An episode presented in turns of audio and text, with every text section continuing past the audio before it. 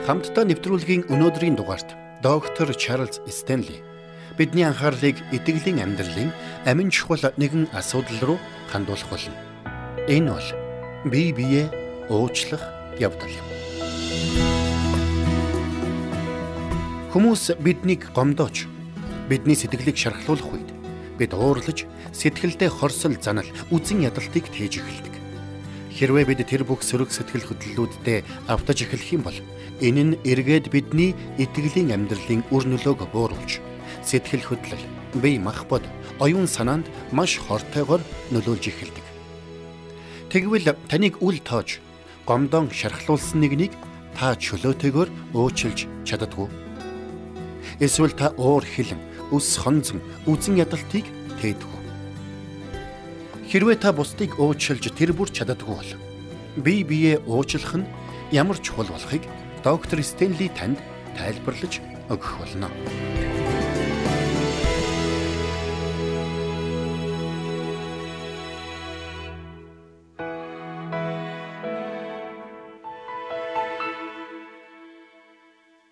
Үл уучлал нь маш олон хүний өвчний үндэс болж мөн маш олон хүнийг стресстэй амьдрах шалтгаан болдгийм.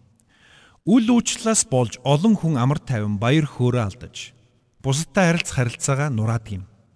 Мэдээж хин нэгэн хүн бидэнд таагүй хандаж биднийг хохирох үед тэр хүнийг уучлах амаргүй байдаг.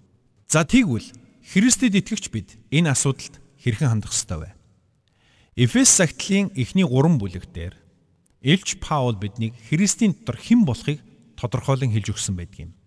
Ингэхдээ Христийн дотор бидэнд ямар гайхамшигтай өрөөлүүдийг бидэнд өгсөн болохыг Паул тайлбарлан өгүүлсэн байна. Харин дөрөвдүгээр бүлгээс эхлээд Илч Паул Христэд итгэгчид энхүү мөн чанарынхаа улмаас хэрхэн зөв амьдрах учиртайг тайлбарлсан байдаг.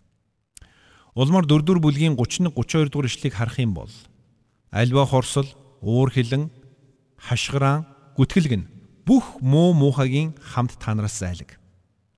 Бурхан та нарыг Христ дотор уучлсны адил бие биенээ уучлан нэг нэгнээ инэрч айдуу зөөлөн сэтгэлээр ханд. Мэдээ заримдаа бусдыг уучлна гэдэг маш хэцүү байдаг юм. Харин 31 дүр ишлэлээр юу гэж хэлээд байна? Альва хорсол уур хилэн хашгираан гүтгэлэг нь бүх муу муухагийн хамт та нараас зайлаг гэж хэлээд байна. Өнөөдөр би та бүхэнтэй юуны түрүүнд үл уучлалын цаад уг үндэс нь яг юу болохыг хэлж өгмөр байна. Үл уучлалын уг үндэс нь яг юу юм бэ?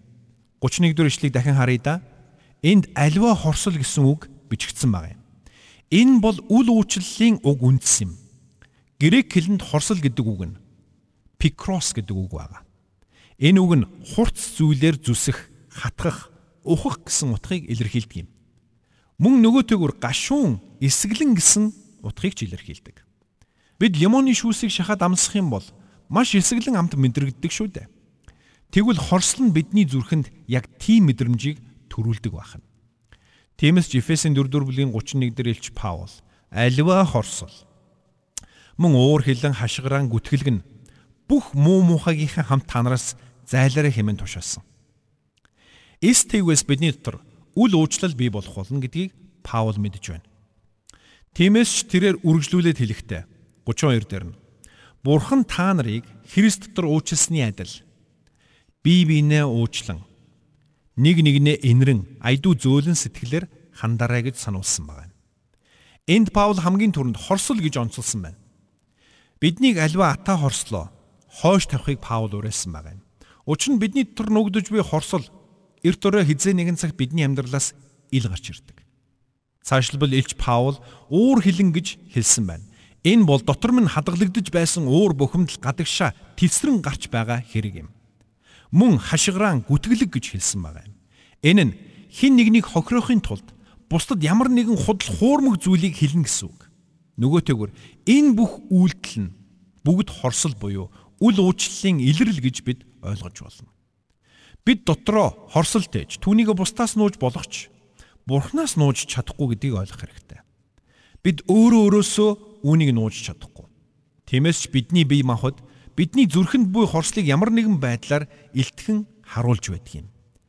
Тэгвэл энэ бүхнийг хойш тавих ёстой гэдгийг Илч Паул бидэнд онцлон сануулсан байгаа юм. Ингээд хамтдаа Эфес номын 4-р бүлгийн 29:30-ыг харъя. Амнаас чинь ямар ч ялзарсан үг бүү гарга. Харин хэрэгтэй үед нь бусдыг босгон байгуулах тустай үг хэл. Тэгвэл энэ нь сонсож буй хүнд нэгүсэл өгнө. Бурхны ариун сүнсийг бүү гомдоо. Золилтын өдрийн төлөө та нар түүгээр тамгалуулсан юм шүү дээ гэсэн байна. Бурхны хүүхдүүд зүрхэндээ хорсол үл уучлалыг тээх үед Бурхан харин харуулсан гашуудж байдаг болохыг бид эндээс харж байна. Бид дотроо үл уучлалыг тээн гэдэг нь бид бусдыг бидэнд өртөө хэмээн үзэж байна гэсэн үг юм. Бусдад хорсож, бусдыг үзен ядна гэдэг нь тэдэнтэй тооцоо бодож хариугаа авахыг хүсэж байна гэсэн үг юм. Гэтэл бидний энэ байдал Бурхны сүнсийг гашуудуулдаг болохыг Илч Паулынд хэлсэн байна. Учир нь үүнээс болоод бидний хоорондын харилцаа сэвтэж байдаг. Дотроо үл уучлалыг тээж явдаг хүн өөрөө өөрийгөө шоронд хорж байдаг болохыг Бурхан сайн мэддэг юм. Хэрвээ та зүрхэндээ үл уучлалыг тээж байгаа бол та өөрийгөө аимшигтой шоронд хорж байна гэсэн үг. Энийн нэргээ танд ямар хортоогоор тусдаг болохыг Бурхан маш сайн мэдэж байгаа. Тиймээс бид энэ бүхнийг хойш тавьж Бурхны сүнсийг гашуудуулахгүй, өөрсдийгөө сүрүүлэхгүй, харилцаа холбоогоо сэвтээхгүй байх ёстой гэдгийг Паул онцгойлон хэлсэн байна.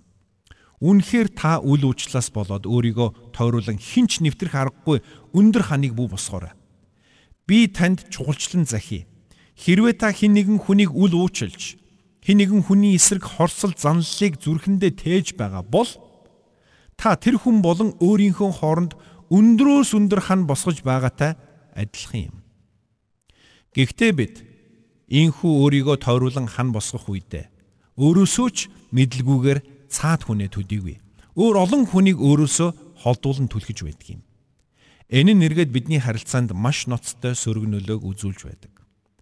Хэн нэгэн хүн инхүү өөрийгөө тойруулан хан босгох үед түүнийг хайрлахыг чин сэтгэлээсээ хүссэн нэгэн ч түүн рүү ойртож чаддаггүй. Учир нь тэд тэр өндөр ханыг давж чаддгүй юм. Тиймээс үл үйлчлийн ханыг нурааж хаяхыг Илч Паул сануулсан байгаа юм.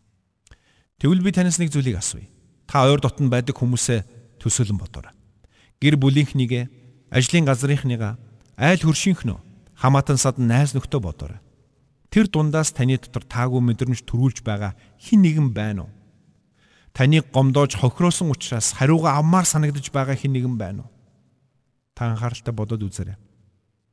Учир нь хэрвээ таныг хэн нэгэн хохироосон байгаад та тэр хүнийг уучлж чадахгүй явсаар байгаа бол энэ нь таны амьдралаас аз жаргал, амар тайван, сэтгэл хангалуун байдлыг чинь хулгайлж байгаа гэдгийг та ойлгоорой. Учир нь дотроо үл уучлал, хорсол, занал тэн амьдрах үед энэ нь биднийг дотроос маань идэж байдаг юм. Үл уучлал нь маш хор хөнөөлтөй учраас үүнийг зайлуулж хаяхыг Илч Паул бидэнд сануулсан юм. Бид дотроо үл уучлалыг тээж байгаа бол цаад хүнтэйгээ хизээч эрүүл харилцааг тогтоож чадахгүй. Бас бид үүнийг хинтж мэдэгдэхгүйгээр дотроо нуун дарахч боломжгүй юм. Тэгвэл үүнээс бид хэрхэн ангижрах вэ? Үл уучлаас бид хэрхэн өөрсдийгөө чөлөөлөх вэ? Энд бид нэг зүйлийг ойлгох хэрэгтэй. Хорслын гашуун үндэс бидний зүрхэнд үндэслсэн бол ихэнх тохиолдолд үүнээс ангижирч эдгэрэх үйл явц баггүй хугацааг шаарддаг юм. Тэгвэл ийхүү эдгэрэх үйл явцын дунд бид ямар хандлагатай, ямар сэтгэлтэй байх ёстой вэ? Хамтдаа Паулын хэлсэн үгийг дахин саний. Тэр биднийг үл уучлал, ата хорслыг зайлуулан хаяхыг сануулад үргэлжлүүлэн ийхүү хэлсэн байна. Бурхан та нарыг Христ рүү уучлсны адил бие биенээ уучлан нэг нэгнээ инэрч айдуу зөөлөн сэтгэлээр хандараа гэсэн байна. Тэгэхээр бид бусдыг уучлж ата хорслын гişүүн үндсийг таслан хайж бусдыг хайрлаж бусдыг байгаар нь хүлээн авах айдуу зөөлөн сэтгэлийг бий болгохын тулд бид яах ёстой вэ? Үнэн дээр бусдыг уучлан гэдэг нь би хохирол амсахтаа бэлэн байна хэмээн хэлж байгаатай адил юм. Энэ нь би хохирол амсаж би төлөөсийг нь түлхэд бэлэн байна гэж хэлж байгаатай адил юм. Угтаа бол тэр хүнийг уучлахаас нааш тэр хүнийг хайрлаж чадахгүй. Тэгвэл бидэнд бусдыг уучлах ямар шалтгаан байгаа юм бэ? Нэгдүгээрт Эзэн Есүс бидэнд бусдыг уучлахыг тушаасан юм. Эзэн Есүс уулын сургаалдаа ийм хүүгүүлсэн байдаг. хамтдаа Матай номын 5 дугаар бүлгийн 7-ыг харах юм бол энэрэнгүйчүүл ерөөлтөе. Тэд өршөөл инэрлийг хүртэх болно. Өөрөөр хэлбэл бусдыг уучлагч нэгэн өөрөө уучлагдах болно гэж энд хэлж байна.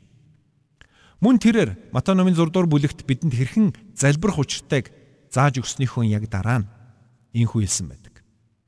Хэрвээ та нар хүмүүсийн алдааг уучлбал Тэнгэрлэг эцэгч нь та нарыг мөн уучлана.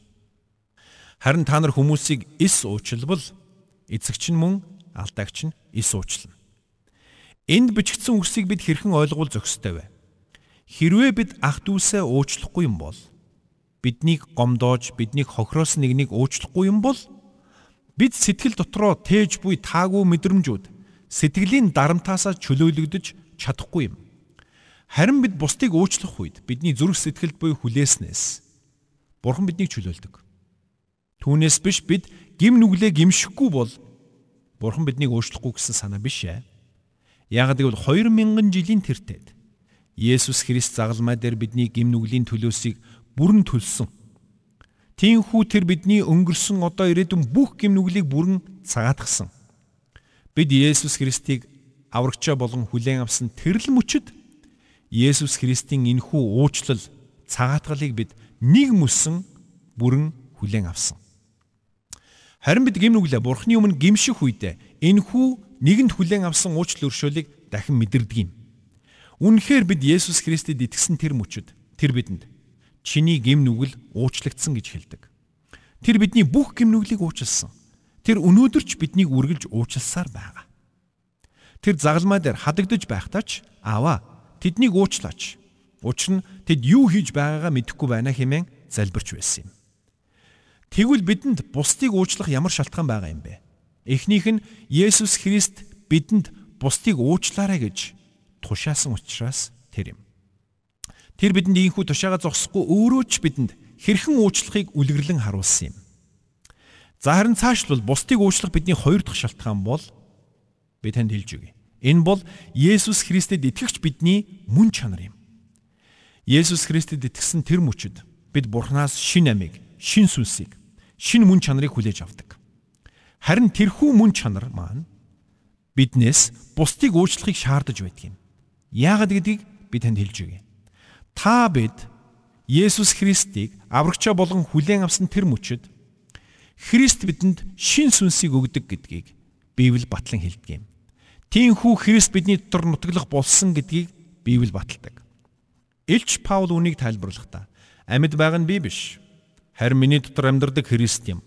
Эдүүгээ мах боддоо миний амьдарч байгаа нь намайг хайрлаж миний төлөө өөрийгөө өргөссөн Бурхны хүүд итгэх итгэлээр амьдарч байгаа хэрэг юм а гэсэн байна. Галат номын 2:20 дээр ингэж хэлсэн байдаг.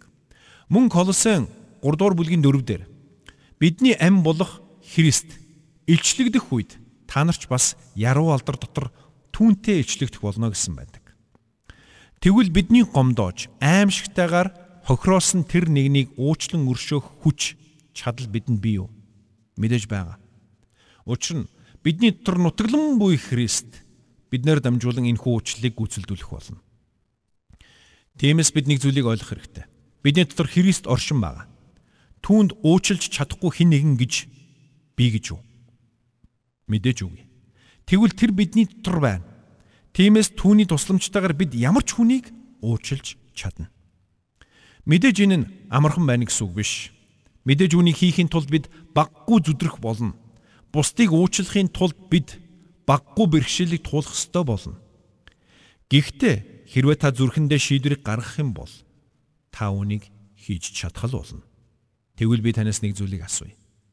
Хизээ нэгэн цагт таныг гомдоож, шархлуулж байсан тэр нэгэн хүнийг та санаж байна уу? Тэр хүн таныг дооглон тухургасан байж болно. Таны нэр төрийг гутаасан байж болно. Таны төлөлгөөг нураасан байж ч болно. Таныг бусдад буруугаар ойлгуулсан байж болно. Тэгвэл би танаас асууя. Та тэр хүнээ одоо ч уучлаагүй зүрхэндээ үл уучлалыг тэн амьдарсаар байгаа юм биш үз? Хэрвээ тийм бол би танд хэлье. Энэ үл уучлал чинь цаад хүнээс чинь илүү таныг маш ихээр хохироож байна. За тэгвэл бид бусдыг уучлаж үл уучлалаасаа ангиж ирч зүрхэн дэх ата хорслоосоо эдгэрх үйл явцыг хэрхэн эхлүүлэх вэ? Би танд үүнийг хэрхэн хийхийг хэлж өгье. Харин та тэмдэглээд аваарай. Эхний үг нь гимшил. Энэ нь та үл уучлалыг тээж байгаа хариуцлага өөр дээрээ хүлээж авч байна гэсэн үг. Та бодол санаагаа өөрчилж, таны гомдоож хохироосон хүнийг ойлгож, уучлж, тавьж явуулахаар шийдэж байна гэсэн үг юм. Тиймээс юуны түрүүнд та үл уучлалын сүнсийг тээж байгаагийнхын төлөө Бурхны өмнө гимшээрэй. Тэр цагт таны бодол санаа өөрчлөгдөх болно. Хоёрдугаарт уучлж чадахгүй байгаа тэр хүнээ чөлөөлж явуул. Чөлөөлж явуул. Учир нь үл уучлал гэдэг бол тэр хүнийг зүрхэндээ хүлээтэй байлгаж байна гэсэн үг юм. Тэр хүнээс хариугаа авахаас нааш тавьж явуулахгүй гэсэн бодолд автсан байна гэсэн үг юм. Тиймээс та нэгдүгээрт гимш, хоёрдугаарт тэр хүнээ чөлөөлж явуул. Гуравдугаарт гурав дахь үг бол ухаар. Таныг гомдоож хохироосон тэр хүнээр дамжуулаад Бурхан таны дотор буй сул талуудыг тань илчлэн харуулж өгч байгаа болохыг ойлго ухаар.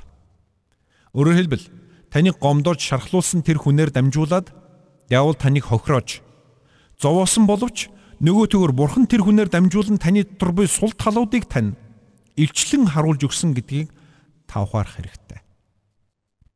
Тэгж чадвал та нөхцөл байдлыг тис өөр өнцгөр харж эхлэх болно. Дөрөвдүгээрт дурсан сан. Бурхан таныг хэрхэн уучлж өршөөснийг дурсан сан. Та Бурханы өмнө хэдэн удаа гимшилтэйгээр ирж байснаа дурсан сан. Бас Бурхан тэр бүрд чинь танд хизээч одоо хангалттай хүмүн. Би одоо чамааг уучлахгүй гэж хэлж байгаагүй гэдгийг дурсан сан. Бидний Бурханы өмнө гимшилтэйгээр ирэх бүрд Бурхан үргэлж биднийг уучлан өршөөж байсныг та санаарай. Учир нь үннийг хэлэхэд биднийг уучлал гуйн гимшихээс ч өмнө Бурхан биднийг аль хэдийн уучлсан байсан. Бурхан таны гимнүглийн асуудлыг аль 2000 жилийн тэртээд Христийн үүрсэн загалмай дээр аль хэдийн шийдчихсэн. Тэр таныг аль 2000 жилийн тэртээд уучлсан. Таныг эхийн хөвлийгээс мэдлэхээс ч өмнө Бурхан таныг мэддэг байсан. Тэр таныг хідэн удаа гимнүгэл үлдэх вэ? Хідэн удаа алдаа гаргах вэ? Хідэн удаа унж бүдрэх вэ гэдгийг ч анханасаа мэддэг байсан. Тэр таныг хизээ Есүс Христийг аврагчаа болгон хүлээж авах вэ гэдгийг ч мэдэж байсан. Бас итгэвч болсон хойноч хичнээн удаа гим нүгэл үйлдэхийг ч мэдэж байсан. Таныг зүрхэндээ үл уучлал, ата хорсол тээх болно гэдгийг ч анханасаа мэдэж байсан. Гэсэн ч тэр танд хандан чи уучлагдсан хүмүн хэмээн хэлдэг юм. Тэр таныг хүлээж бусдыг уучлах чинь тань туслахыг хүссэн хэвээр байгаа. Таныг уучлсан Бурхны уучлалыг танд дахин мэдрүүлэхийн тулд таны дотор буй үл уучлалыг таны амьдралаас зайлуулан хайхыг тэр үргэлж хүсч байдаг гэдгийг та ойлгоорой. Өнөөдөр бид үл уучлалын талаар болон үл уучлал нь бидний амьдралд хэрхэн сөргөөр нөлөөлдөг тухай мөн бидэнд бусдыг уучлах ямар шалтгаан байгаа тухай мөн бусдыг уучлах үйл явцыг хэрхэн эхлүүлэх тухай үзлээ. Гэхдээ энэ бүхний эцэст нь би танаас нэгэн чухал зүйлийг асуумаар байна. Та Есүс Христийг аврагч эзнээ болгон хүлээн авсан уу? Яг гэвэл миний өнөөдөр ярьсан бүх зүйлсийн гол түлхүүр нь энэ юм. Зарим хүмүүс Христэд итгэх нь бүхэл зүрхэндээ Бурхны эсрэг хорсолтын амьдардаг. Амьдралд нь тохиолдсон таагүй үйл явдал эрүүл мэндийн асуудал, санхүүгийн хямрал гих мэт олон шалтгаанаас үүдээд хүмүүс бурханд уурлаж, гомдож, зүрхэндээ бурхны эсрэг хорсолтой амьдардаг юм. Тэгвэл өнөөдөр таны доторч бас бурхны эсрэг гомдол, хорсол агуулгадж байгаа юм биш үү? Тэгээд энэ нь таныг Есүс Христийг аврагчаа болгон хүлээн авахд чинь саад болж байгаа юм биш үү? Хэрвээ тийм бол би танд хэлье. Хэрвээ та Есүс Христийг амьдралдаа урьж оруулаад Бурхнаар гимнүглээ уучлуулан цагаатгуулах юм бол тэр цагт Бурхан таны зүрхэнд буй санаа зовнил, сэтгэл гутрал, хорсол, занал, уур хилэн, үзэн ядалт бүхнийг таягдан хаях болно. Тэр таныг альва стресс, дарамтнаас бүрэн чөлөөлж, танд эрх чөлөөг өгөх болно. Харин түүнийг аврагчаа болгон хүлээн авахаас нааш бусдыг уучлах гэсэн таны оролдлого талаар болох болно гэдгийг санаарай. Харин хэрвээ та Есүс Христэд итгэвч бол тэгээд таны зүрхэнд үл уучлал оршин байгааг та мэдэж байгаа бол би танаас асууя. Та зүрх сэтгэл, оюун санаагаа шинчлэхдээ бэлэн байна уу? Та Бурхны өмнө очиод үл уучлалын гим нүглээ гимшихтэй бэлэн байна уу? Та цаад хүнээ зүрх сэтгэлийнхэн шоронгоос тавьж явуулахдаа бэлэн байна уу? Тэр хүнд хандах хандлага өөрчилж тэр хүнийг таны сул талыг танд ойлгуулахын тулд Бурхнаар хэрэглэгдсэн нэгэн химэн харахад бэлэн байна уу? Мэдээж танд хэцүү байгааг би сайн ойлгож байна. Та маш их зовсон. Маш их шаналсан. Гэхдээ би танаас асууя. Бурхан таныг хайрладаг учраас бас танд итгэдэг учраас энэ хүнд хэцүү нөхцөл байдлаар дамжуулаад таны сул талыг танд илчлэн харуулж таныг өөрийнхөө хүслийн дагуу өөрчлөн танд жинхэнэ эргчлөг өгөхийг хүсэж байж болох юм биш үү? Хэрвээ та нөхцөл байдлаа ингэж харж чадвал та гарцаагүй бурханд талархах болно. Тэр цагт та бурхны өмнө очиод баярлалаа бурхан минь.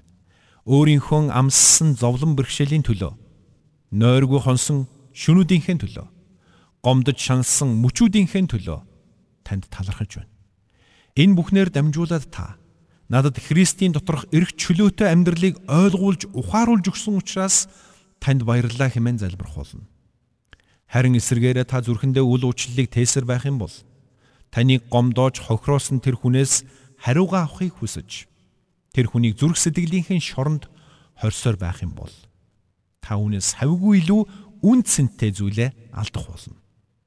Та тэрхүү үл уучлалыг зүрхнээсээ зайлуулан хаях хүртэл бурхантай харилцах, дотн хайрын харилцаа, зүрх сэтгэлийн амар тайван, баяр хөөр, сэтгэл хангалуун байдлыг мэдэрч чадахгүй зовж шаналсаар байх болноо.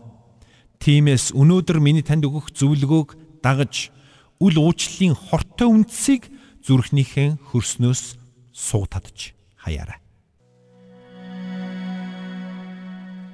Үл уучлал нь бидний амьдралд ямар хор хөнөөлтэй болохыг доктор Стенли бидэнд сануулж байна. Тиймээс бид бусдыг аль болох хурдан уучлж өршөөж сурах нь чухал юм. Тэгвэл уучлал хаанаас эхэлдгийг доктор Стенли бидэнд хэлж өглөө. Өнөөдрийн сурсан зарчмуудаа та амьдралдаа хэрэгжүүлж уучлалын эрх чөлөөг мэдрээрэй гэж хүсэж байна. Бурхан биднийг гим нүгэл огт өвөлдөхгүй төгс амьдралаар амьдрахыг шаарддаггүй. Харин тэр биднийг өөрт нь итгэж найдаж түүнийг дуулууртай дагаж алдаа гарган бүдэрсэн үедээ гим нүглээ гимшдэг байгаасаа гэж хүсдэг үлээ. Энэ цагийн төгсгөлд хамтдаа 1-р Иохан 2-ын 1-ээс 6-аг уншицгаая. Бяцхан хүүхдүүд минь та нарыг нүгэл бүү үйлдээсэ хэмээн би эдгээрийг та нарт бичиж байна. Хэн нэгэн нүгэл үйлд байсан. Эцхийн өмнө бид өмгөөлөгчтэй хагаад тэр бол зөвхт Есүс Христ мөн. Тэр өөрөө бидний нүглийн төлөөх эвлэрүүлэл бөгөөд зөвхөн бидний нүглийн учир төдийгүй хамаг ертөнцийн нүглийн учир билээ. Бид түүний тушаалуудыг сахивал үүгээрээ бид түүнийг таньснаа мэднэ. Түүнийг би мэднэ гэж хэлээд түүний тушаалуудыг сахидаггүй нь худалч бөгөөд түүнд үнэн алга. Харин түүний үгийг сахидаг хэний ч дотор Бурхны хайр үнэхээр төгс болгогджээ. Үүгээрээ бид түүний дотор байгаагаа мэднэ. Түүний дотор оршдог гэж яригч нь түүний явсанчлан өөрөө бас тийм явах учиртай. Амен.